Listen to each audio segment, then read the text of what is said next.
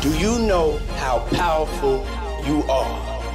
If you want to build something big, hard work is the first, second, and third part of the formula. Welcome to Actors Podden. Give the word life and learn from the brilliant minds that are reshaping Sweden. Anybody can do it. Connect with entrepreneurs, small business owners, and thought leaders that will help you reach your highest level. We're going to do this together. This is Actors Podden with Johan Moder Johan Mortensson. Sådär, hej Sverige och välkomna till Aktörspodden och Företagssnack, men inte vilka som helst. Jag heter Johan Mod Johan Mårtsson och jag presenterar Magnus bara för att vi ska göra det så himla lätt. Han heter Magnus Thulin och han är från eh, Malmö och han pratar inte göteborgska. Hej Magnus! Ja, tack så mycket. Jag, är, jag, är, jag bor ju i Malmö, men jag är från Småland från början. Men eh, jag är väl en hybrid kan vi väl säga då. Alltså, jag, alltså du är ju ändå skåning i mina ögon, Ja. alltså du kommer, Ja, ja. Det, är så, det blir bara så. Absolut. Eh, det, det jag vill börja med är fredagsmagi Magnus. Och eh, Mm. jag ska börja med en väldigt magisk berättelse. Eh, Mm. och den Mm. magiska berättelsen jag ska börja med är så att Alltså det, det är en historia då givetvis och jag sätter in mig själv att jag är huvudrollen i historien men det är jag inte för jag har egentligen inte med, med historien att göra. Men eh, det, jag är lite som Krösa-Maja nu. Kom, kom, kom och lyssna, kom och lyssna liksom. Så är det va. Men jag, jag, jag du, lyssna här Magnus. Jag började med IP-telefoni då va? Ja. Ja, så kände jag så här att IP-telefoni, det är rätt grej att göra. Eh, och så började, körde jag igång bolaget, jag startade allting liksom, och så omsatte jag 47 000 i första året. Då tänkte man Okej. 47 000, det är ju ändå liksom 47 000 det första året, det är så svårt att... Där, va? Men så, så tänkte jag, jag spänner bågen Magnus. Så jag, jag spände bågen så in i eller, långt hela vägen till Finland, spände, jag bågen va. Så, sjö, Okej. så, så släpp, släppte jag bilen då, va? så helt plötsligt så året efter så hade jag ökat omsättningen till 2,2 miljarder. Ja, där, där, okej. ja. Och så... eh, Ja. Ja, och då tänker man shit du Johan, hur många anställde du liksom? Nej, jag anställde Ja. ingen. Alltså jag gjorde det själv. Så att jag bara, s- från 47 000 till 2,2 miljarder va? Och när jag gjorde det då, ska man tänka mig shit det måste ju ha kostat jättemycket pengar du vet med utveckling av bolaget och liksom att, nej nej nej nej, plus minus noll liksom. Från 47 000 till 2,2 miljarder, noll, eh, alltså backning då va. Så tänkte jag, men alltså jag är ju inte nöjd där, så jag spände ju bågen en gång till. Den här Ja. gången gick det, sprängde jag bara bågen till Stockholm då va, och så släppte jag då va. Så året efter 3,1 miljarder. Och, ja, det är imponerande. Och jag hade ändå eh, plus minus noll i resultatet Ja. då va. Mm. Och eh, det jag pratar om är ju den här konkursen som var eh, det, var, var, det, var det ett statligt bolag också eller? Novacod eh, tror jag bolaget hette, eh, så- som gick i konkurs och eh, där det var en anställd som omsatte eh, 3,1 miljarder när det blev i konkurs. Och resultatet var typ plus eller minus 1400 kronor eller någonting. Och Magnus, vad, vad, alltså hur, alltså om vi börjar med hur stor är rimligheten i att det här är, ett, eh, är riktigt sant och inte någonting som kanske är lite vid sidan av så att säga? Vad, vad känner du? Alltså rimligheten är nog nästan noll skulle jag säga. Eh, jag har ju bara följt det där. Jag har ju sett lite flashar av det på. Jag visste inte att du skulle ta upp det. Jag, jag har ju sett lite flashar om det på, på nätet och sånt där. Och jag tror du gjorde en uppdatering om det häromdagen också. Och eh, alltså det, det händer ju inte liksom. Och det borde ju dra öronen åt sig från bolagsverk och skatteverk och sånt här. Eh, när det händer en sån grej. För ehm, den, eh, den, till, alltså, den tillväxtresan, den, eh, den har ju fan inte ens Framfab sett ju. Eller Google eller Microsoft. Alltså du vet, jag vet, man kämpar ju typ för att omsätta ut en miljon liksom. Alltså du vet, eh, ja det är helt, ja. Men jag, det, det är faktiskt... Men nu har det kommit fram, har det kommit fram några liksom smaskiga stories där liksom? Vad är det de har omsatt? Vad är det de har sålt liksom? Ja, IP-telefoni. Ja men vad fan säljer IP-telefoni för 3 miljarder? Då har ju nästan varenda svensk den jävla telefonen hemma ju. Ja, men det är det som är det. Sen vet jag inte liksom varför då, men givetvis Ekobrottsmyndigheten och Skatteverket och det är massa myndigheter som är inblandade i det här då, så att vi vet ju egentligen inte till 100% och man, som sagt, man är ju skyldig till man är bevi, be, mo- motsatsen är bevisad givetvis, men det här är en historia som vi säkert kommer få veta mer av och det, Ja det ska bli... Jag tror nästan att det kommer bli eh, en rättegångspodd på det här eh, just va? Så, så att, Ah, fan. ja, ja, ja, det kan vara så att liksom Rättegångspodden liksom hör ju Aktörspodden, alltså alla lyssnar ju på Aktörspodden i Sverige, det vet vi ju. Så att han kommer, han kommer ju lyssna och bara shit alltså, det här måste jag göra ett avsnitt om. Och så kommer han ge oss cred, eller hur Magnus? Ja, för fan absolut. ja. Ja, jag, är ju, jag är ju nämndeman i Malmö tingsrätt också, så jag blir ju e- extra smaskig. Ja men du Och, blir eh, det jäv nu, bara för att jag har tagit Ja, upp det här ja, nu. ja, för fan. Ja. Nej, det går ju inte. Jag tar tillbaka, disclaimer på det, jag tar tillbaka det. Ja, det är gött. Eh, ska vi se, Tony säger äntligen fredag med Moder Johan och Wingman Magnus Thulin. Heja, hej på er alla i chatten också. Tjena Tony, och hoppas du har fantastiskt bra. Eh, Per säger fyll kyckling i ugnen, naken hustru i duschen, jag med en cortado i koppen, Magnus laddad på tå, Johan kickar micken, nu kör vi. Ja, Eh, herregud. Ja, Alltså. det är, han, är, han, han är dunderladdad här nu Per alltså. Det är så Mm. fantastiskt. Kids säger "Tje- tjabba-gänget, bubblet är på plats, aktörspodden på tvn, nu kör vi. Ja, han kör YouTube idag då eller? Ja, han kör YouTube idag. Ja, snyggt. Det, det kan man ju rekommendera faktiskt människor. Alltså om man vill hålla det lite gött. Vi, vi startade ju med detta från början Johan, att det skulle vara lite AV och så. Så jag menar de flesta människor i Sverige har ju smart-tv nu och, och då finns ju YouTube-appen. Det kan man ju rekommendera. Då kan man ju bara glida in på YouTube-appen, gå in på aktörspodden så kan man sitta där i soffan själv, och dricka sig lite GT lite ett glas vin eller ja, man kan ju dricka vatten eller kaffe också för den delen. Ja, det är faktiskt fantastiskt trevligt. Eh, Johan säger tjena gubbs, han, han, han har vin och jordnötter istället. Ja, ja. Eh, och- Helt okej. Vin och jordnötter. Öl och jordnötter köper jag, men vin och jordnötter, det vet jag. Alltså man måste hålla sig uppdaterad va? Man Alltså den känns ju, det, det, alltså den förstör ju smaken på vinet ganska mycket, alltså de där jordnötterna eller? Om om inte han har ett riktigt starkt vin. Det går Ja, rakt men- igenom jordnötterna. Men du, Eh, apropå vin, du när du, eh, när du gjorde dina häxblandningar när du var liten, du vet när man, när man snodde lite vin och så av sina föräldrar när man var liten, då, det blev, då tog man lite vin och man tog lite gin och man tog lite vodka och man tog lite Campari och hela kittet, så fyllde man det i en sån här, jag gjorde det i såna petflaskor, kommer du ihåg det? Ja, det, ja, ja, det gjorde jag med. Och så, men vi körde gammeldansk och socker och det var Ah. inte alls bra kan jag säga. Alltså, ja, vi ska, Alltså jag har en, liten- en liten anekdot där. Alltså min pappa hade ju en sån, ja, han, han, jag vet inte om han hade varit i Tyskland eller någonting, eller Polen, vad fasen kan det ha varit. Så han köp, hade köpt hem en sån Absolut-flaska, du vet sån skitstor, typ Magnum eller vad de heter, två, två tre liter liksom. Och jag gick, jag gick ju där och tullade den där jäkla flaskan hela, hela uppväxten. Där, du vet när man började, nej, men du vet när man började testa lite alkohol. Så, jag vet inte hur gammal man var, men säg att man var en 13-14 år eller något. Och varje gång jag hade tagit lite så hällde jag i vatten i den där. För att, för att du vet, det skulle, det skulle inte synas att man tagit någonting. Och så en dag så skulle pappa ta vodka. Jag vet, han bara, vad fan, det smakar ju bara vatten den där jävla vodkan. Du vet. ja, ja, det, uff, ja, det ja, herregud. Ska vi se. Ja. Den här vin och jordnötter funkar fint säger Johan. Och så säger Kid att Cortardo inte är så lätt att säga. Magnus, hur, hur uttalar man det? Ja, men jag har ju bott i Spanien, vet du. Cortado. Cortado. Eh, Kid säger köp på tvn, alla i familjen eh, ska, kan se. Sambon och grabben är ju lika taggade. Alltså det är Kid, alltså det är ju världsklass Kid. Världsklass! Eh, Är det surround också då eller? Ja, ja, självklart är det surround. Susanne säger kör vatten, rent vatten och det är inte fel med rent vatten heller. Det är uppfriskande för själen. Nej, det var det, jag- det var det jag sa också. Man kan dricka lite vatten eller kaffe också. Vi behöver inte uppmuntra till alkohol liksom. Ja. Eh, men vi börjar liksom lite lätt med, eller lätt, det finns väldigt många tunga ämnen egentligen att köra just nu. Men vi ska börja lite med butiksägarna Magnus. Vad, Mhm. har, har, hur, reglerna, har det kommit något nytt? Är det samma regler som gällde som förra veckan? Ja, det är ju hyfsat samma regler och man har även uppdaterat det här för krogägarna. Det här vid alkohol, alkoholtillståndet vid åtta, att det slutar vid åtta. Det är ju även förlängt i början av februari, så eh, det är ju ganska liknande vi varit innan. Precis, så att vi, vad, vad känner vi? Eh, vi får, får, fick ju en liten fråga där, alltså är vi för eller emot eh, nedstängningarna liksom som är just nu Magnus? Vad, om du börjar? Alltså, detta är skitsvåra frågor eh, och bara svara ja eller nej på. Men generellt så är jag ganska mycket för detta, för vi måste få ner smittspridningen.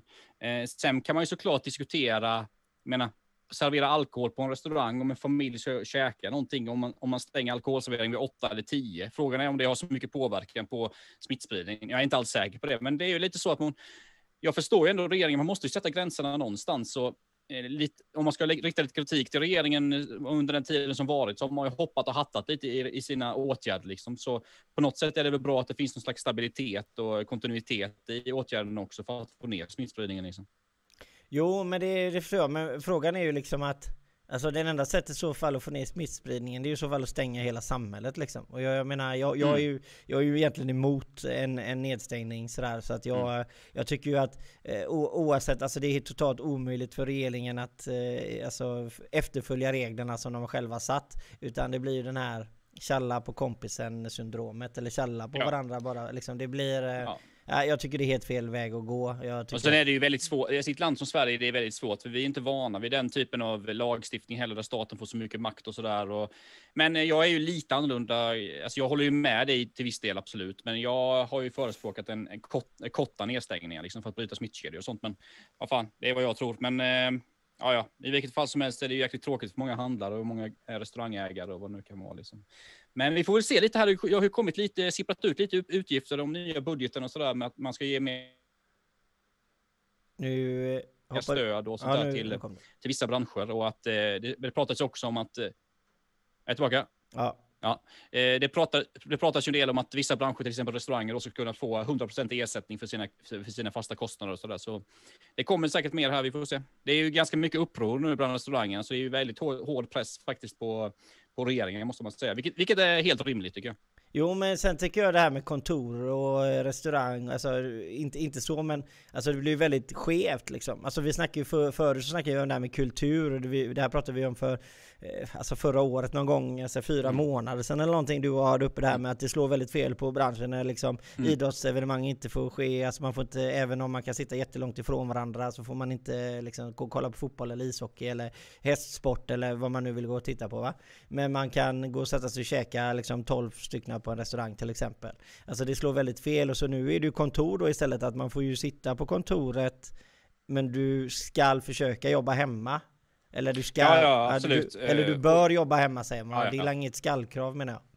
Men vi har ju snackat om i den här podden det senaste året eh, väldigt mycket om de här sakerna. Att det, det, är väldigt olika i samhället. Till exempel att Liseberg fick stänga ner och Gröna Lund och sånt här. Medan man kunde ha öppet shoppingcenter och sånt. Men alltså det är ju, det är ju ett tecken på att eh, det, det, tar mig åt, det tar mig lite åt att säga så här, men det finns vissa tecken på att Sverige halkar efter på vissa plan, skulle jag säga, typ lagstiftningsmässigt på vissa områden och sånt här. Och jag tror att det är ju ändå så att Sverige har ju gått förbannat bra i många, många, många år. Eh, och det kan också göra att man blir lite bekväm, tror jag, i, i, från lagstiftarnas sida, från riks, riksdagen och sånt där. Så jag tror att Sverige måste nog vara lite på tårna här, de, alltså speciellt efter den här krisen.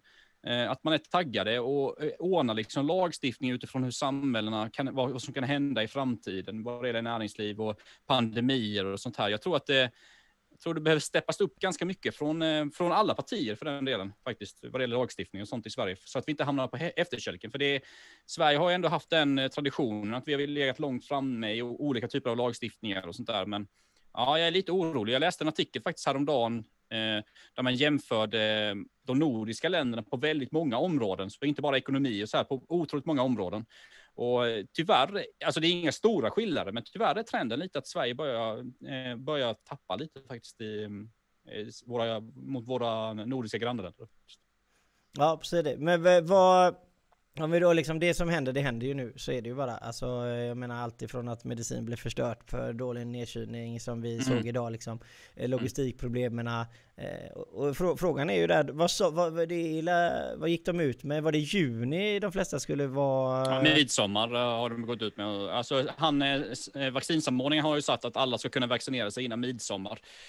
Ja, jag har ju varit ute och eh, snackat lite om det och jag tycker det är inte så jäkla smart att gå ut och snacka så faktiskt, eh, om jag ska vara helt ärlig, för det bygger ju upp väldigt mycket förväntningar att vid midsommar så ska samhället vara eh, som vanligt. Du och jag har ju haft, vi har ju förutspått det sedan förra året, att vi trodde att framåt sommaren att det skulle vara okej. Okay. Men det, det, är ju så, det var vi inne på förra podden också, kanske förrförra också, att detta har ju blivit ett väldigt eh, nästan, som, på, som vi, som jag tror vi är ganska bra på, vi från näringslivet, att vi förstår nu vad det är som händer. Nu är det liksom produktion av vaccin, det är distribution, liksom väldigt klassiska eh, saker som händer i näringslivet. Och Eh, då vet vi ju alla att då det, kan det bli många flaskhalsar. Liksom. Eh, vaccin kan bli för gammalt, det kan, ja, som i det här fallet då som du snackade om, det var ju väl i Värmland, eller, det var, eller i Dalarna kanske det var, att man inte höll det under en viss temperatur. Och sen även alla människor som ska, ska, ska skicka in de här sprutorna. Liksom. Det är en kapacitet, otrolig kapacitetsbrist nu bland eh, att människor som kan, som kan ge vaccinen. Och det skapar också en flaskhals. Så det, nu börjar det bli klassisk liksom, supply and demand här på något sätt. Ja precis, och vi kommer väl få se lite hur det går. Jag, jag tror att eh, precis lite som du säger, det är lite dumt att vara ute eh, lite väl aggressivt. Jag förstår att man kanske vill lugna många liksom, men det är ju dumt om man försöker lugna någon med att det inte blir så sen. Ja, men det, det är ju liksom, eh, det, jag tror inte, det de, de får passa sig lite för de här liksom, experterna inom virologi och epidemiologi och på vacciner och sånt här, de, de kanske går in väldigt mycket utifrån ett, utifrån ett vetenskapligt perspektiv då. Men det är ju ändå så att Pfizer, som har gjort det första vaccinet, och AstraZeneca också för den delen, och BioNTech och sånt här, det är ju ändå så att det som händer just nu, det är ju klassisk produktion. Det är ju fabriker alltså, som tillverkar vaccin. Klassisk, alltså klassisk produktion, till, till, tillverkningsindustri. Och då kan ju väldigt mycket gå fel. Det kan, maskiner kan gå sönder, strömmen kan gå, eh, kan bli överhettningar, det kan bli problem i, i kapacitetsbrist på elen. Det är, det är mycket sådana här klassiska eh, tillverkningsindustriproblem just nu. Liksom. Och så fort det blir hack då i produktionskedjan så kommer det skapa väldigt mycket förseningar då i distributionen. Mm, precis, det, ska vi säga, det var någon artikel här på Sveriges Radio där om att det var en, en läkare i Västmanland eh, som har blivit trött på, på att eh, försöka bygga upp en vaccinationsplats. Det blir Mm. väldigt många möten och administrationen i förhållande till, eh, till eh, framstegen så att säga. Mm. Eh, och det, det, det är så. Och Tony säger att jag tror att de flesta seriösa entreprenörer gör sitt bästa för att minska smittspridningen. Och det, tro, det tror jag med. Helst om man har anställda, fler anställda så ser man ju väldigt bra. Men om vi... om Men vi jag, jag, i vilket fall som helst, om jag tror att om man ska ens överhuvudtaget lyckas med att man ska klara det fram till sommaren, då gäller det att släppa på mycket privata, i det privata näringslivet tror jag. Och jobba med incitament. Eh, ge, ge privata aktörer pengar för att vaccinera per, per patient eller vad det nu kan vara. Då kommer det bli fart på näringslivet. För att näringslivet är kapitalister, de gör mycket saker för pengar. Och då kan, om man har incitament då att man kan tjäna pengar på det så kommer det gå undan. Så är det. Eh, vad, men alltså Q1 då? Alltså jag, jag var ju väldigt negativ till Q1 förra eh, avsnittet för det som hängde med. Eh, Du var lite mer positiv. Hur, eh, hur är stämningen nu? Ehm, nej, men det, alltså det är så jäkla svårt att säga ju hela tiden här. Och man, man pendlar. Man blir ju fan bipolär som person i den, i den här jävla pandemin. För ena dagen är man positiv och sen vaknar man andra dagen så läser man en jäkla nyhet om eh, någonting med pandemin och då blir man negativ. Så man, man, man, man svävar ju hela tiden upp och ner sådär. Men jag försöker ju se saker positivt och jag tror ändå att 2021 kommer att bli bra. Även om det kan vara så att Q1 blir ett riktigt riktig skit liksom, så hoppas jag ändå att vi framåt sommaren att det kan börja tuffa på rejält i världsekonomin. Och det är ju, det är ju världsekonomin vi snackar om nu. Den måste ju komma igång liksom, för att det har ju extremt stor påverkan på Sverige. Liksom. Så bara för att, eh, bara för att vi blir klara till eh, bara för att vi blir klara till sommaren, jag menar, är inte, är inte våra stora liksom, exportpartners, länder och sånt klara då, så blir det ju ändå inte bra. Liksom. Nej men jag menar alltså, det, det som man inte tänker på, det är typ alltså mycket handlar om överlevnad just nu liksom. Och när det mycket handlar om överlevnad så blir det ju så att det kommer skapas ganska mycket, alltså pengar som kommer behövas för liksom framtida utveckling och man kanske behöver liksom uppdatera saker och nya verktyg eller kalla det nu vilken bransch du är till eller nya logistiklösningar eller kalla det vad du vill. Eh, och, och, och de här grejerna som de, de får liksom ta, komma lite längre fram nu för nu handlar det liksom bara att man ska se till att hålla sin grundprocess igång och sådana här grejer och det är farligt alltså. Det är riktigt farligt för framtiden. Jag, att om man inte riktigt nu då börjar investera för framtiden för att saker och ting kommer hända väldigt, väldigt fort och jag, jag tror att eh, alltså konkurserna i sig kommer alltså, det, kommer, det har ju redan kostat samhället, jag menar eh, om vi kollar på förra året så, så är det ju 1% minskning då medan i december ökade det enormt. Eh, 86% på enmansföretagarna ökade konkurserna i, i december eh, jämfört med för, och, och föregående år då. Men jag menar, alltså, så jag, jag tror att det slår ju stenhårt mot egenföretagarna nu liksom. Där, Ja, ja, absolut. absolut. Alltså byggbransch, eh, alltså försäljning, alltså butik, alla de här egenföretagarna som har drivit de här sakerna, eh, det, det är tufft nu alltså. Man ser det. Ja, Eh, så att, Och jag pratade en del om förra veckan Johan med boksluten också. Och jag tror att eh, många, alltså många egenföretagare eller, eller småföretagare med några anställda eller sådär, de, det är klart att de lever ju väldigt mycket i, i, i ettårscyklar. Liksom. Det gör ju inte kanske stora bolag på det sättet, men mindre företag gör ju väldigt mycket det. Så man börjar kolla, alltså när det börjar bli dags för bokslut börjar man kolla över ekonomin och så här och hur ser det ut och så där. Och jag tror att många kan få ett uppvaknande nu att oj då, balansräkningen är inte, riktigt, den är inte riktigt eh, bra. Just det, det kan bli problematiskt i bokslutet. Så, och då kan ju väldigt många dra ner på konsumtion, alltså dra ner på sina kostnader otroligt mycket och eh, spara och sådär. Och det, det är såklart, det slår ju också hårt mot samhället när konsumtionen går ner. Och det kan ju ha en effekt liksom att eh, att, att konsumtionen går ner eh, generellt i samhället och det, då blir det ju väldigt problematiskt. Alltså. Men eh, ja, precis. För, för, men om vi, om vi sp- spinner vidare lite där så, så det finns ju vissa röster som höjs liksom att, att man har investerat mycket pengar i börsen eh, alltså nu Mm. under, under, alltså bara för att eh, försöka få tillväxt på pengarna så att börsen Mm. har fått mycket pe- pengar till och och börsen har gått ganska bra ändå Mm. under covid, det måste vi säga, eller det har ju gått väldigt bra ändå får man ju ändå säga under covid. Eh, men, men sen är det ju ändå röster som höjs där med, med USA och det, så är det ju alltid, alltså många pratar ju om att det är en bubbla och det är en bostadsbubbla och Mm. det kommer spricka och saker och ting kommer rasa liksom. Mm. Vad tror vi om börsen i USA liksom? Eh, Finns det en risk att den rasar eller är det bara... Nej, men jag tror liksom så här att du vet de senaste 10-20 åren har ju liksom världen gått så jäkla bra så det har ju funnits mycket pengar.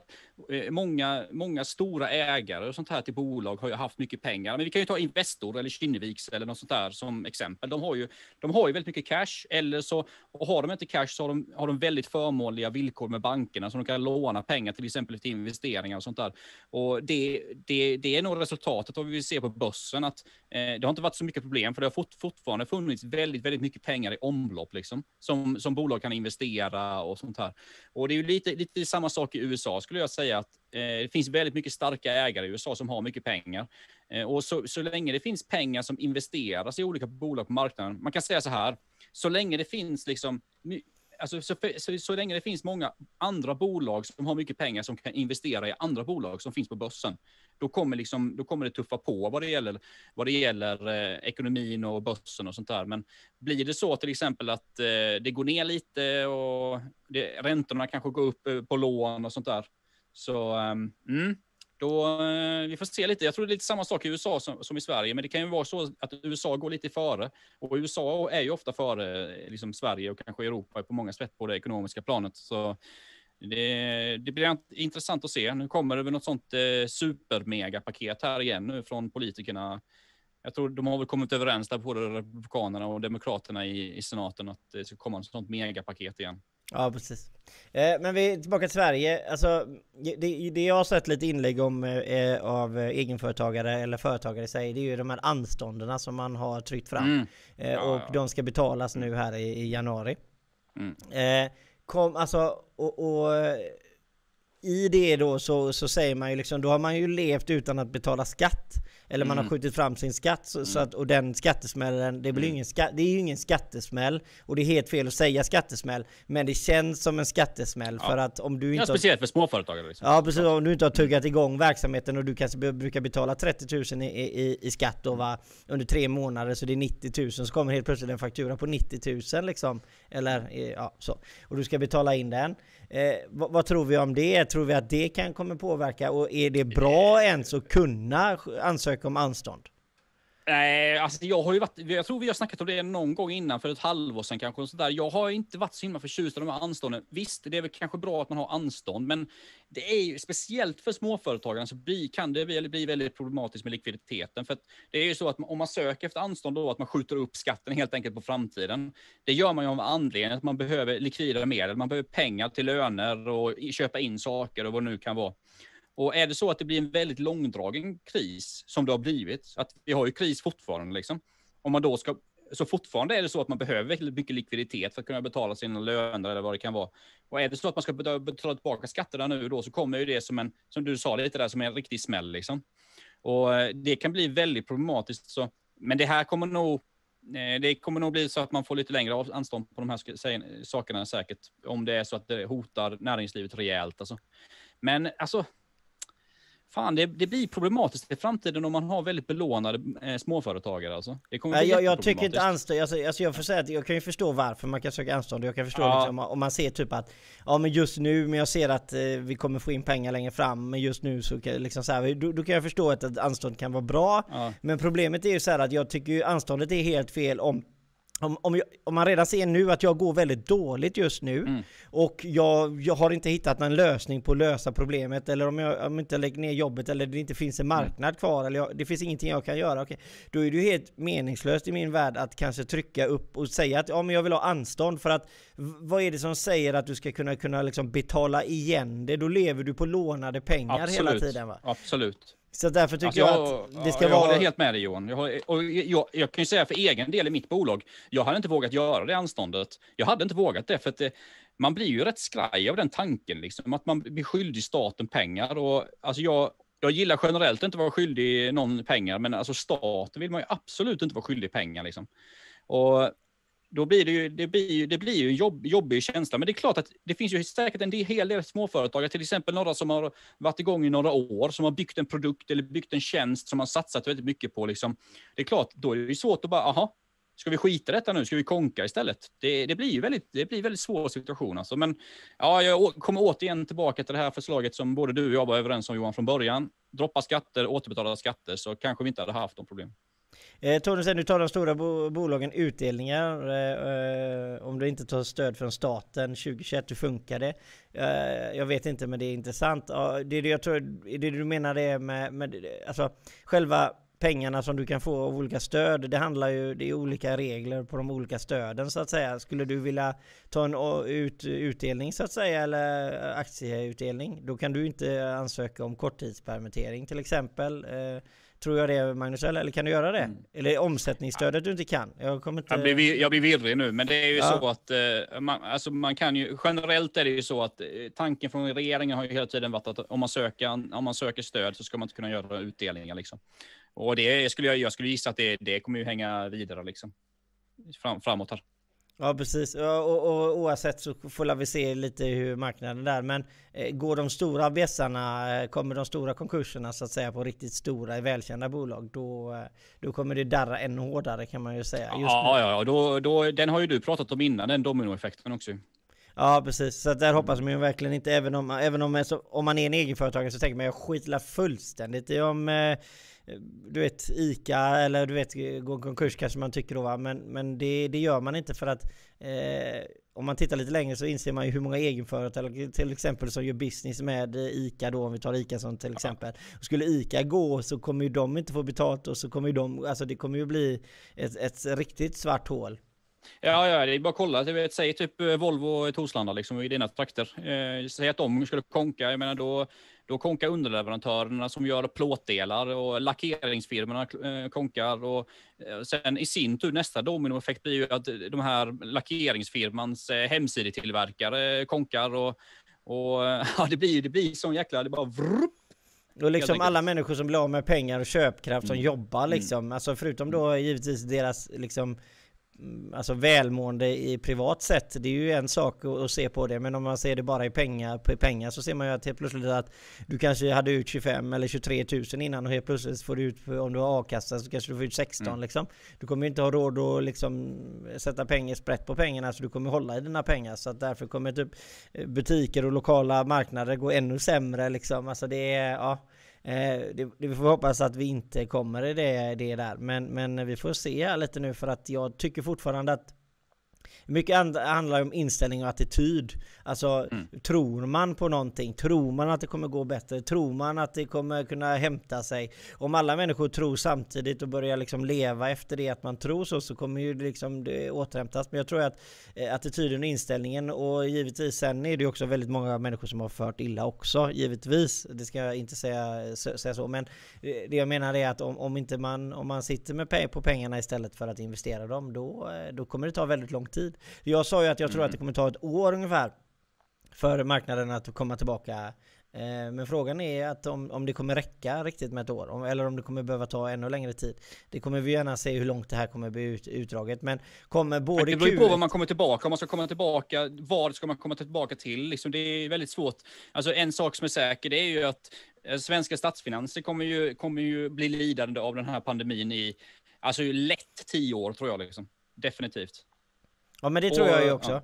Och så, sen brukar det alltid hända något var tionde år Magnus. Ja, precis. Då kommer det kriser igen. Det, det, det har inte riktigt, alltså, det var ju lite drygt tio år sedan senaste krisen var och sen innan dess så var det ju, ja, det var ju IT-bubblan i och för sig där på 2000-talet och innan dess så var det bankkrisen. Ja, så det är ju tio år. Så säger jag då att man måste, säg att då man måste liksom hålla igen i tio år då, så kommer en kris till. Så det, ja, det blir, eh, blir tufft. Jag tror att eh, jag tror att eh, de offentliga finanserna kommer liksom behöva vara strama säkert de närmaste tio åren. Alltså. Det tror jag definitivt.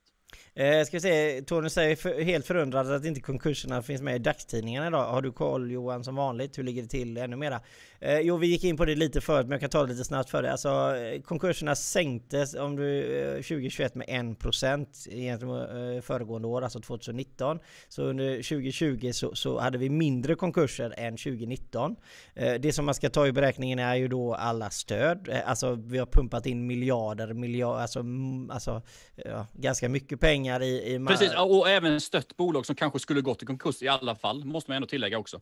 Så, Så är det ju. En del, en, en del av stöden har ju säkert träffat fel på det sättet, liksom. Stört marknaden liksom. Så är det ju. Självklart har det varit så. Så, så att eh, vi har ju, det är konstgjord andning om så att säga att vi har kunnat hålla, uppe, hålla siffrorna så bra som de ändå var. Eh, problemet är ju egentligen, det, det största problemet är ju december. Att eh, konkurserna ökade 27% i december. Eh, och går man, och benar man ut eh, siffrorna i, i december, eh, 27% är ju en väldigt stor ökning procentuellt. Det vet ju alla som håller på med eh, börsen till exempel. Ökning på 27% är ganska mycket pengar. Eh, men se- ser man då till varför det ökat med 20 27% då ser man att liksom alla bolag som har anställda så har nästan konkurserna gått ner i december medan ensamföretagaren som har ökat med 86%. Så att man ser liksom hur det slår, eller slog just i december, att det, det är egenföretagaren som far mest illa just nu. Eh, och, och, är din eh, take på det? Vad säger du? Varför tror du det är så?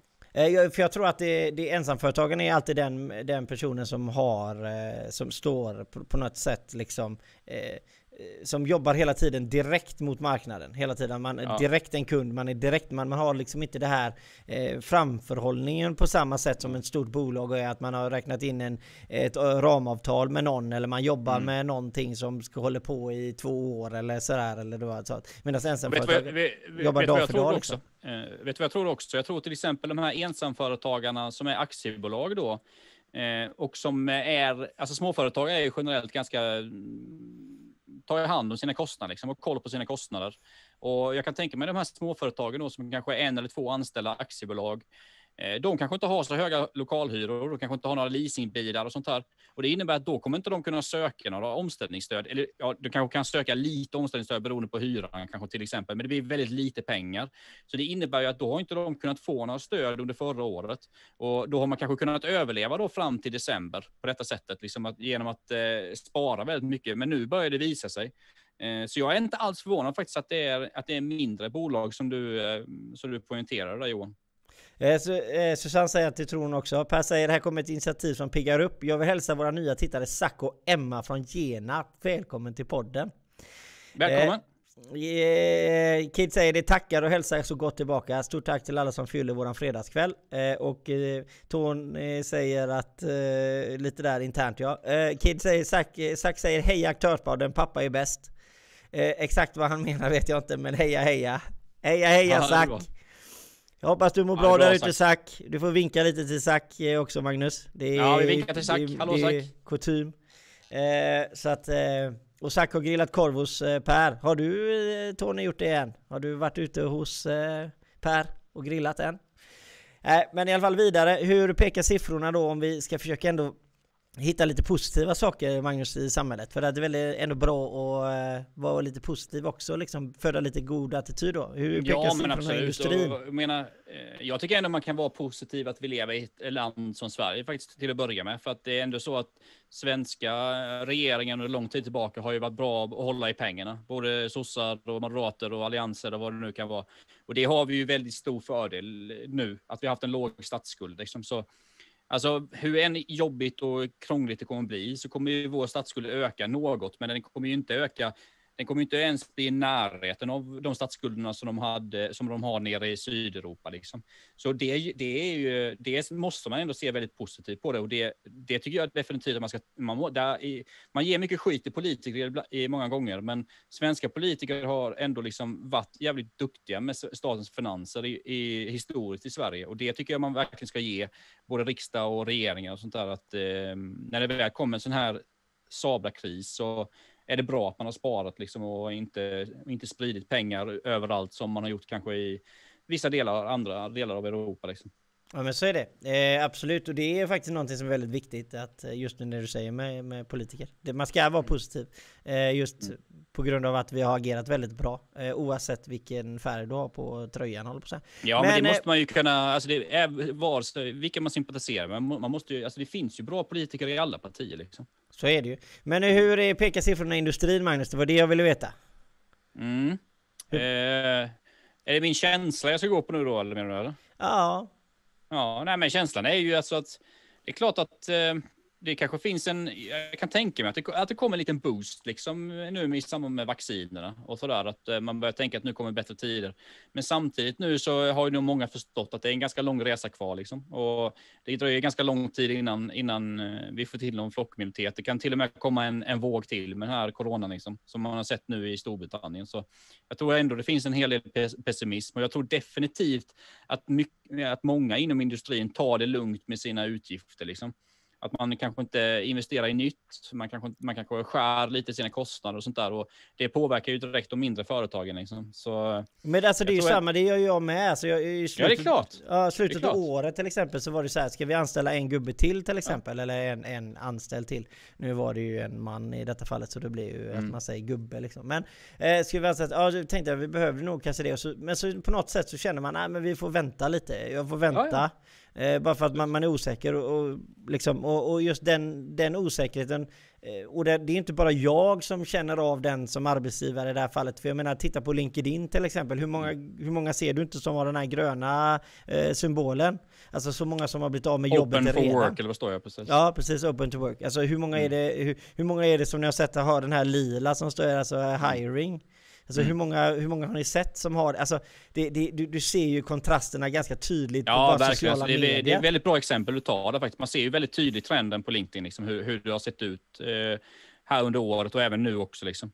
Så, men det är, alltså det är självklart att bolag gör så. Men det, det gör ju du, så du säger ju det precis. Jag har ju också gjort det. Jag har ju för fasen eh, skurit varenda kostnad liksom, som finns i mitt bolag. För att jag, ser ju, jag, jag kan ju kolla min resultaträkning och min balansräkning. Och jag menar, jag, jag kan konstatera att jag har bokslut i slutet på april. Och jag kan konstatera att jag kommer säkert få ett omsättningstapp på kanske 30-40 procent. Så det är klart att det måste, så är det ju för alla företagare. Man måste se över sina utgifter. Liksom. Det är inget konstigt ju. Nej precis, och det är ju där det är ju så viktigt att, att Alltså man pratar du vet nu går jag in på sådana här väldigt sådär men Det är därför man måste också låta företag gå med vinst. Mm. och, och, inte ta bort all vinst hela tiden med för mycket skatt. Och visst nu går jag in i, i kanske dumt att säga det nu med tanke på att vi kommer behöva skatt för att betala tillbaka skulder och allt sånt här i Sverige absolut. Men just om vi bara ska se varför ett företag behöver generera pengar. Det är ju för sådana här tider att för att inte bli av med duktig personal till exempel. För ett företag vill ju mm. absolut inte bli av med duktig personal.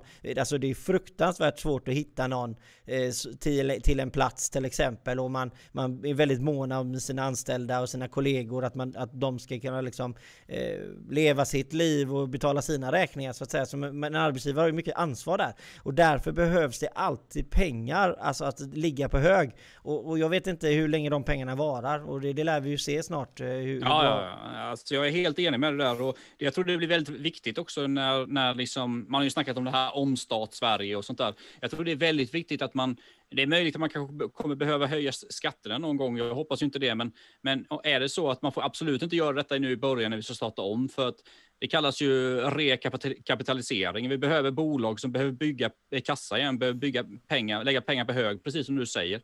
Det låter ju väldigt sådär kapitalistiskt galet, men alltså, det är som du säger, bolag måste göra vinst och måste kunna ha pengar, pengar i bolaget för att ja, men klara liksom det operativa eh, dag för dag, klara även om det kommer en kris igen, sådana saker. Det är superviktigt. Alltså. Det, det är farligt då med för höga skatter, liksom, och speciellt om, man, om regeringar nu resonerar med att vi måste direkt höja skatterna bara för att vi har haft kris. Det tror jag är helt fel, fel eh, väg att gå. Jag tror snarare tvärtom. måste sänka skatterna för att eh, rekapitalisera bolag och även privatpersoner. Rekapitalisera bo, eh, privatpersoner också för den delen.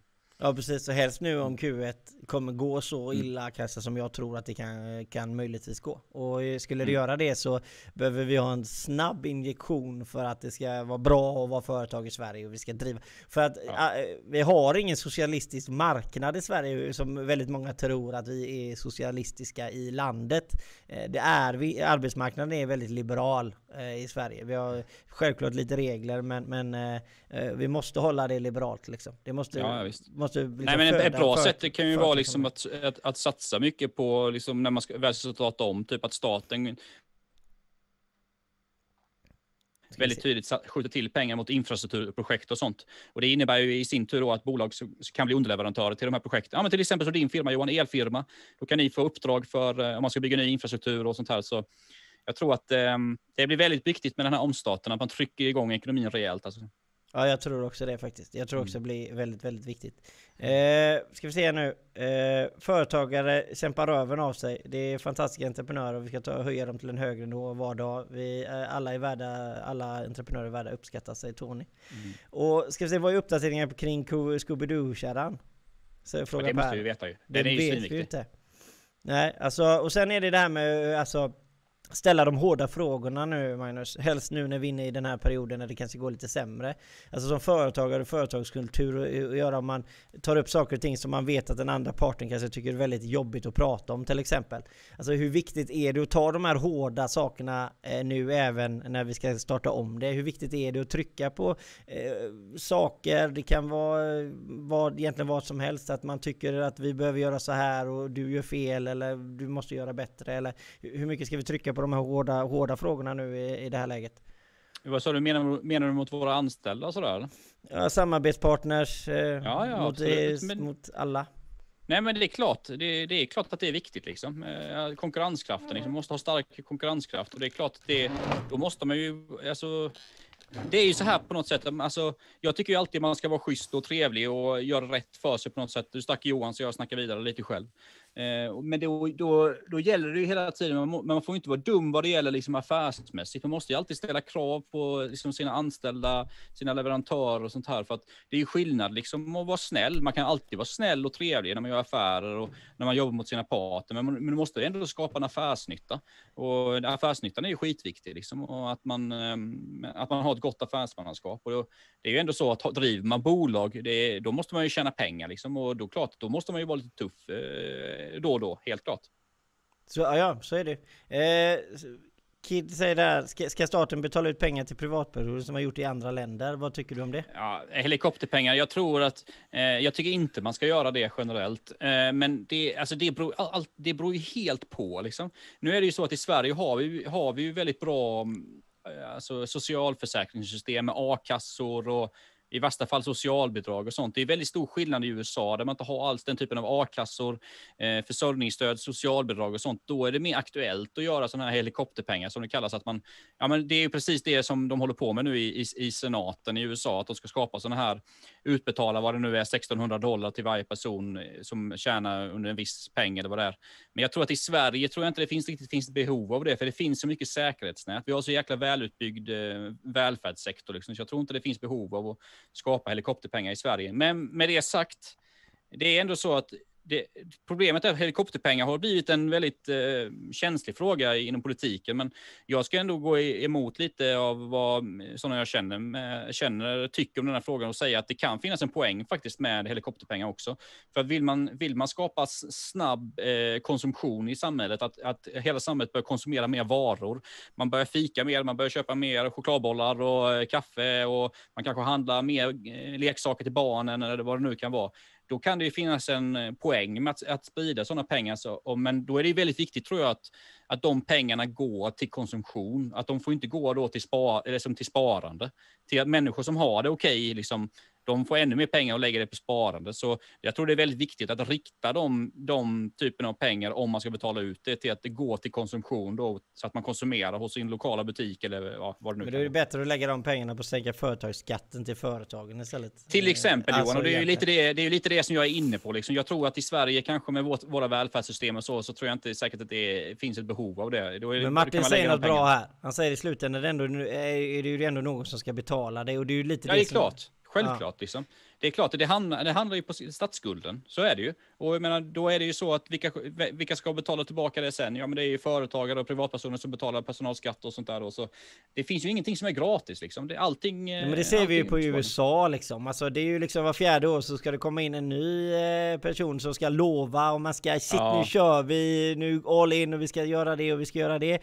Så gör det så nästa år så är det så efter den perioden så till nästa president så blir det precis samma sak. Ja men nu ska vi öka ännu mer, nu ska vi öka ännu mer och så hela tiden Ja, så blir det precis. bara eh, alltså på rulle hela tiden. Ja, det, är, det är ju ett jäkligt bra exempel du säger där, för det är ändå så att både Obama och Trump, eh, de hade ju, Trump, Obama hade ju rätt bra period i slutet i den amerikanska ekonomin och Trump har ju, har ju haft en ganska, eh, har, det har ju gått rätt bra liksom arbetslöshetssiffror och sådana saker. Men det är ju så här att det är inte svårt att få bra siffror om, om, du liksom, om du lånar upp pengar och statsskulderna ökar, för då har du mycket mer pengar hela tiden att trycka ut på olika åt- åtgärder. Och det är ju någonting som många presidenter, både demokrater och republikaner, har haft problem med i många år i USA, att man lånar för mycket pengar och deras statsskuld går ju uppåt hela tiden. Och det är någonting, det är någonting som måste, ta, eh, måste få ett stopp i, i USA. Nu är det kanske svårt för Biden, Joe Biden att göra det nu direkt, men det tror jag alltså i framtiden, de måste få ett stopp på det där. Alltså.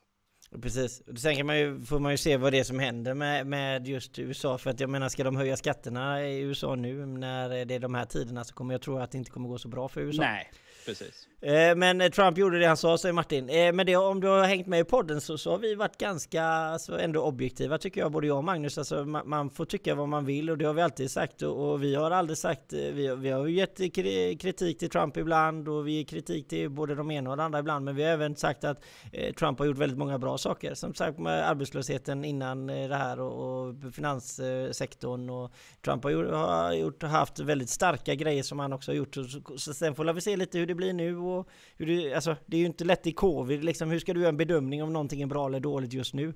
Alltså, det är, Nej, det är jättesvårt. Det är jättesvårt. Och jag tror ändå sådär och Ja, nu vet de flesta, jag är inte så himla förtjust i Trump personligen, men det är, man måste ju ändå ge liksom, människor, liksom, om någon gör någon bra sak, liksom, bara för att man inte gillar den personen, så måste man ändå ge liksom, att det, det, det, man har gjort bra saker också. Liksom. Men jag- man, får, måste, man måste kunna isolera händelser. Ja, man behöver ja, inte alltid det liksom inte, klumpa liksom ja, annars är det, o- det, annars är man ju ohederlig liksom, med sitt, eh, med sitt mm, Sen kommer vi väl se om han blir riksåtalad där, det blir han nu till och med också. Ja, det Men- blir han säkert. Ja, vi får se. Men eh, om vi säger, vi snackar lite om branding, alltså det här med att vi heter ett företagsnamn, eh, men att man döper om sig, Magnus.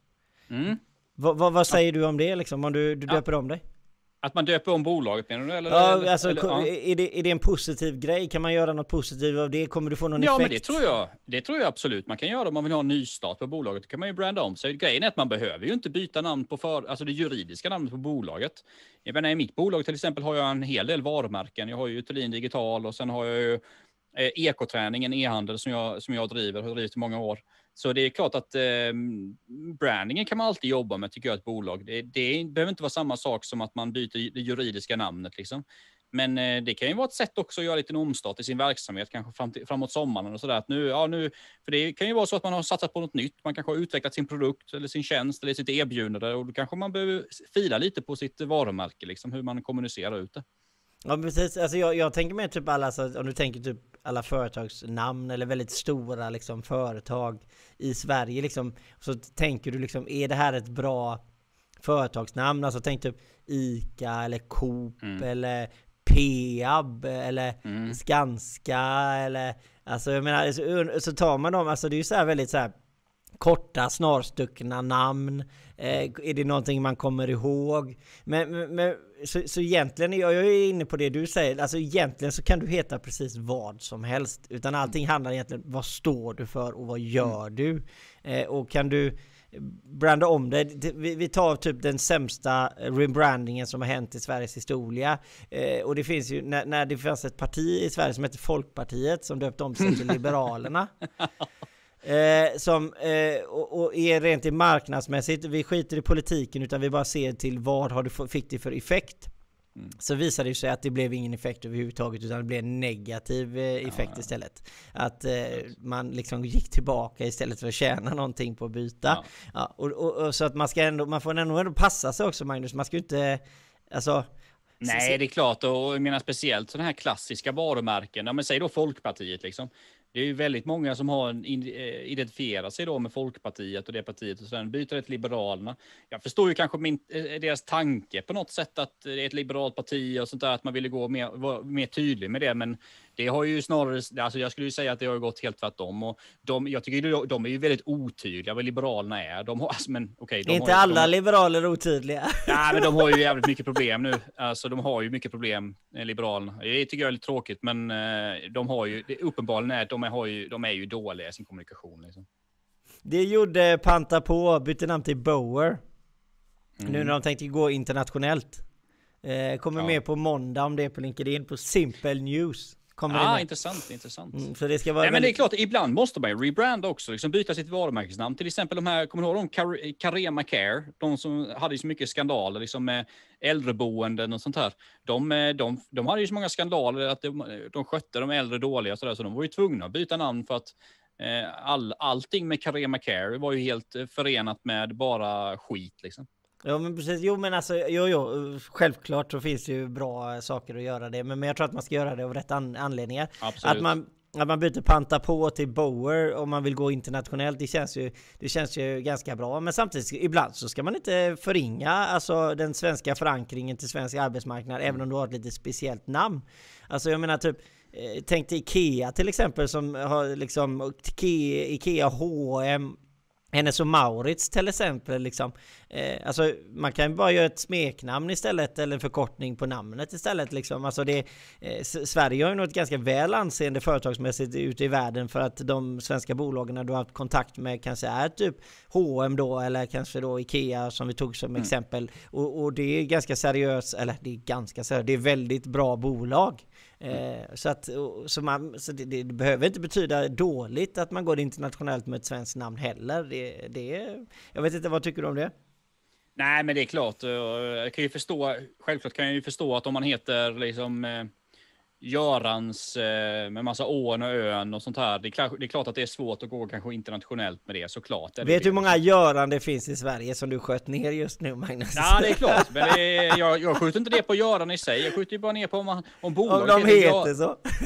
Ja, så det är klart att eh, det, det är ju ganska viktigt tror jag att ha ett gångbart eh, namn om man ska gå internationellt såklart. Jag menar, Ikea funkar ju säkert liksom och Hennes och Mauritz funkar ju säkert internationellt och så, men hade Fråga dig om någonting som är, låter extremt svenskt hade funkat. Ja, kanske liksom. Det är som du säger. Jag, alltså jag är ju ingen branding-expert. Det, det, det, allting går ju. Man får ju, man får ju tweaka det på rätt sätt liksom. Så eh, all power to Göran säger jag bara. Ja, grymt. Men alltså jag tycker Tonys eh, förslag, han fick ett grymt förslag. Han fick, hans första förslag var KGB Karlssons eh, glas och bilrikt. Ja, men han tog inte den vägen för 20 år sedan. Tänk om du hade hetat... Tony, Tony, det- alltså Tony funkar ju. Det är bara Tonys liksom. Ja, det är To, Tony. to, Tonys auto parts. Det är alltså det är, det är, det är miljardomsättning bara man hör namnet. Ja men det är klart, alltså Tony liksom, det funkar Ja, ja, ja, ja, internationellt ja. alltså. Det är ju den är klar. Den är klar. Gå internationellt säger jag bara till dig Tony. Du kommer lyckas vad du än gör. Tonys auto parts. Ja. Eh, Martin säger just det här med branding idag upplever eh, har fått minskad betydelse och det håller jag med dig Martin till 100% och det tror jag Magnus också gör. Helst med det här med sociala medier och allting som händer så just branding spelar väldigt stor roll fortfarande och man kan ha, bygga in en känsla i namnet och vad man är står för och absolut det Ja. funkar men eh, det är så mycket brus idag så att det är väldigt svårt att liksom Alltså branding har ju blivit väldigt mycket bredare också liksom eh, idag än vad det var för, förr i tiden. Innan var det kanske mer för längre sen kanske man, ja, man byter logga, man byter namn och sånt där. Då har vi bytt på branding och byter lite färger. Idag är det ju så himla mycket mer aspekter i branding. Det är eh, värderingar som vi har snackat om i den här podden och det är liksom eh, synsätt och vi har den här företagskulturen. Det är också branding på något sätt liksom och så där. Så det är så jäkla, jäkla brett. Nu, nu är så många i chatten och folk som tittar. Berätta varför ni gör detta för dina hjärtan. Eh, vi berömmer inte nog, vi tittar bara. Ja men det är bra Tony, det är skönt att, att höra. Men vi ska köra lite sådana små grejer eh, ändå eh, Magnus. Som jag, Mm. eh, mi, mina egna frågeställningar som jag faktiskt har tagit med idag. Eh, papper Magnus. Papper? När kommer papper försvinna helt ifrån marknaden?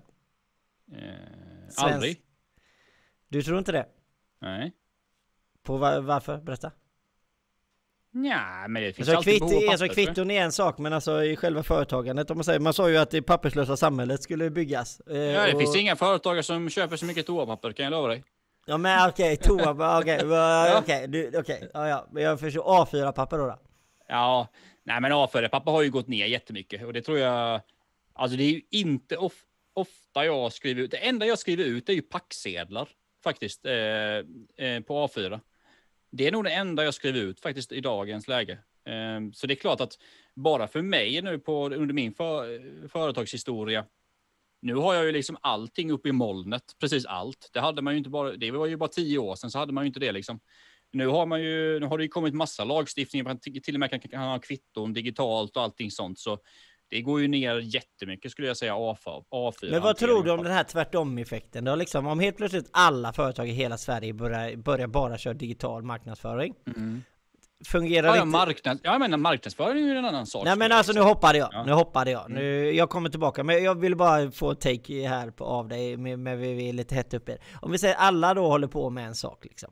Fungerar inte det alltid bra med den andra saken då? Även om det, alltså typ, hade inte typ reklam i brevlådan helt plötsligt blivit mer intressant då om ingen Jo, annan men gör precis. det? Och vi kan ju ta ett skitbra exempel där Johan. Till exempel då, om du signar upp dig för ett GSUT-konto, alltså ett Google-konto, ett företagskonto på Google. Det kostar ju i månadskostnad då, om du har din mail och sånt genom Google. Då är allting digitalt, precis allting. Men vad fan händer efter en vecka du har signat upp? Då kommer det ett jävla brev från Google som ger dig en rabattkupong på eh, Google Ads, eller en värdecheck på Google Ads. Den hade ju de självklart kunnat skicka eh, liksom digitalt. Det hade inte varit något problem överhuvudtaget. Men varför gör de det? Jo, för att precis som du är inne på där, det skapar ju något helt annat. Får man ett brev idag, det är ju något helt annat liksom. Så jag tror definitivt att det, vad det gäller marknadsföring så finns det definitivt ett värde för eh, pappersindustri och, och den typen av saker. Absolut alltså. Jo men eh, hur blir det, hur tror du det kommer bli? Alltså det är mer och mer bokföring till exempel, alltså syfiler man laddar upp på nätet och Ja, hela ja. den här biten. Det har ju blivit mycket, mycket mindre papper eh, när det kommer till bokföring. För det är ändå, eh, alltså det är klart att det, det finns ju mycket saker i fakturor och sånt där. Och jag tror att, jag vet inte procentuellt hur mycket fakturor som går via mail och, och eh, men det är ju bra mycket mer papper fortfarande än vad alltså, det är. Alltså till mitt bolag, tror, jag tror nästan jag har 70-80% av alla mina fakturor nu på mail alltså. Ehm, och Ja, ja. bokslut. 20 Ja, kanske? men- Ja, okej, fine. Men i mitt bolag i alla fall ingående, ingående fakturor från eh, alltså lever, leverantörsfakturor och sånt, det är nog 80 procent. Jag skickar ju inga eh, fysiska fakturor överhuvudtaget. Jag skickar ju alltid på mail. Eh, men det beror ju på lite på mitt, hur mitt bolag funkar. Ja, sådär, 90 men, eh, tror jag nästan jag skulle säga att jag har som inkommande. För att mina Ja, stora ja, leverantörer precis. är på eh, Ja. EDI. Ja. Exakt. Så det är ju jättestor skillnad. Det är jag menar, bara för tio år sedan så kom ju fa- fast nästan allt med snigelpost. Liksom. Så det är klart att eh, det är gigantisk skillnad. Det är Eh, ju ska- därför det har kommit. eh, Det har ju kommit väldigt mycket ny lagstiftning och så här att man, man kan signera digitalt och sånt och det kommer ju bara bli mer och mer liksom. Eh, jag, får, fick ju, jag, jag stängde ett, ett av mina företagskonton för någon vecka sedan, tror jag berättade om det i förra podden. Och då fick jag ju fortfarande brev liksom med, med, från Handelsbanken. Jag var tvungen att skriva på. Herregud, jag menar ge det några år. Nu är Handelsbanken kanske inte de världens snabbaste med utvecklingen, men ge det några år så kommer det vara e-signering också liksom. Ja precis, jag tror också det. Och, och jag tror ju att papperna, alltså det kommer eh, försvinna ännu mer. eh, Ja, ja, absolut. Men frågan är om inte marknadspapper och sånt kommer, alltså jag tror nästan det kommer gå upp lite. Alltså, eh, Vistaprint går ju svinbra. Alltså, ja, alltså jag tror att vissa... Ja, det går hur bra som helst. Och sen kan det också ha lite att göra med att det försvunnit ganska många andra aktörer så att det finns inte så många kvar att konkurrera med. Det finns ju många olika Ja, eh, ja. anledningar. Nej, men papp, svensk pappersindustri tror jag ändå kommer. Jag tror det, det är ju väldigt bra, väldigt fin industri i Sverige och väldigt välskött, eh, väldigt effektiv och så där. Så det kommer alltid finnas ett behov av papper. Det är jag helt säker på. Liksom. Men sen, sen kommer det kanske vara till nya saker och sånt, annorlunda saker. Och så där.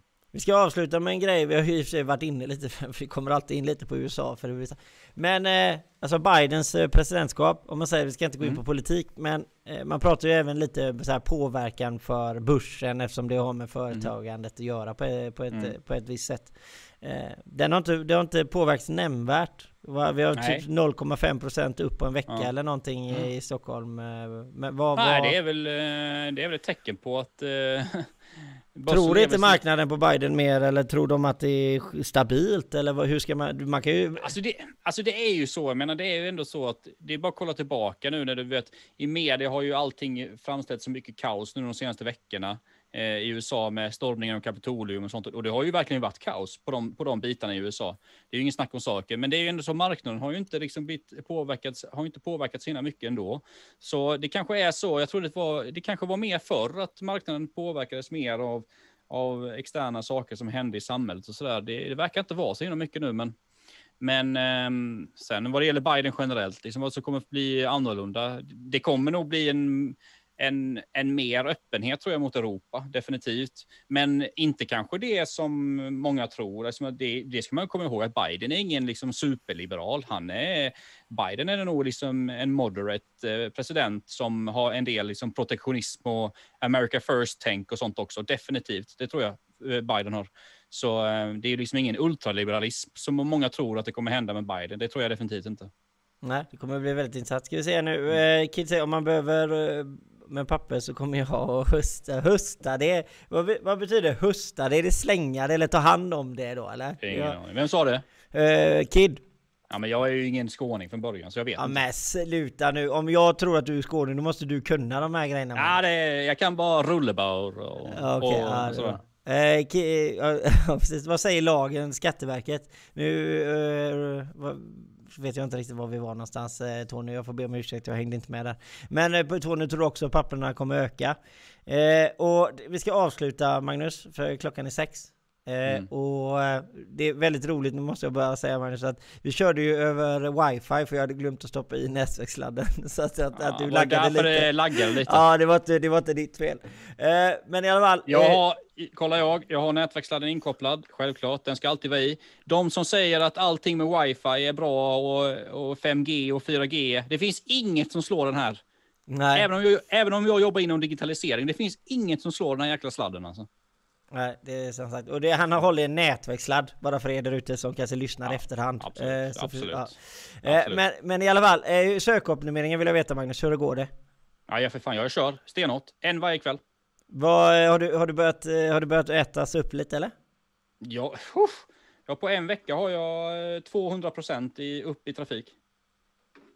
Alltså det är, jag säger det. ju det där ute, alltså det är bara att börja med, hur Ja. går det Tony? Har du börjat med landningssidor än eller? Nu har jag varit på det nästan i, alltså 2017 var du med Tony, så att jag, nu, nu har jag nästan varit på det i fyra år Tony. Vi gör så här, om inte Tony har skaffat några, eh, några landningssidor fram till, eh, vi kan säga första maj eller någonting. Då jävlar, då smäller vi in två landningssidor till en och bara bomba in eh, trafik. Ja men det gör vi, vi gör två var Magnus. Ja. Du gör två, Ja, det jag gör vi. två. Ja, det gör vi. Vi Det- fixar det, det vi- Tony, gratis. Ja, vi tar en e-signering på det, det är tummen där. Ja, vi kör tummen upp Tony. Vi, vi, hjälper dig med två stycken så ska vi visa dig att det är värt att hålla på med det. Så kan vi ju, och så kan vi, det kan bli lite roligt, kan vi ju liksom eh, säga resultatet till eh, de andra här som funderar på om de ska skriva någonting och sådär. Kan vi bevisa liksom hur jävla mycket det gör att få in mer besökare på ens hemsida. Det är faktiskt väldigt bra. Eh, Tony säger håll kursen. Eh, och det är så underbart att så många kommer med frågor. Jag älskar folk som ger ordet liv. Eh, ni är många. Underbart Tony. Johan säger jag har en landningssida på G. Väntar ni bara, då, då väntar vi till nästa vecka Johan, så ser vi. Bra Johan. Eh, Kid säger jag gör en Trump och checkar ut. ha en fin Du åker till Florida. Tack för en fin helg. Eh, grymt. Eh, och det betyder hämtar. Ja, ja. Magnus. Höstar Ja, ja, betyder hämtar. Så nu har du Ja, lärt dig det. Ja, det är inte en aning om det, men jag tackar så mycket. Det är något lokalt eh, uttryck i Genarp skulle jag gissa. Ja, jag tror att de har det i Genarp innebandy tror jag. Det är Ja, ja, lokalt. det är absolut. där de Ja, ja, har... Jag tror. absolut. Ja, eh, det är helt underbart. Vi får tacka så hemskt mycket. Jag heter Johan Mod Johan Mårtsson och jag har haft med mig en underbar... Jag kallar dig co-host nu faktiskt Magnus i beskrivningen. Absolut. Ja, Det är väl eh, fantastiskt. Magnus Thulin. Och jag hoppas att ni får en fantastiskt trevlig helg för vi tänkt ha och ha det så jädra bra där ute. Får jag avsluta med en grej Johan? Ja, avsluta med en grej. Idag har jag köpt gin på lunchen, så jag ska ha en GT när jag kommer hem. Jag vill bara att ni ska veta det. Ja. Ha det så bra. Ha det bra. Hej!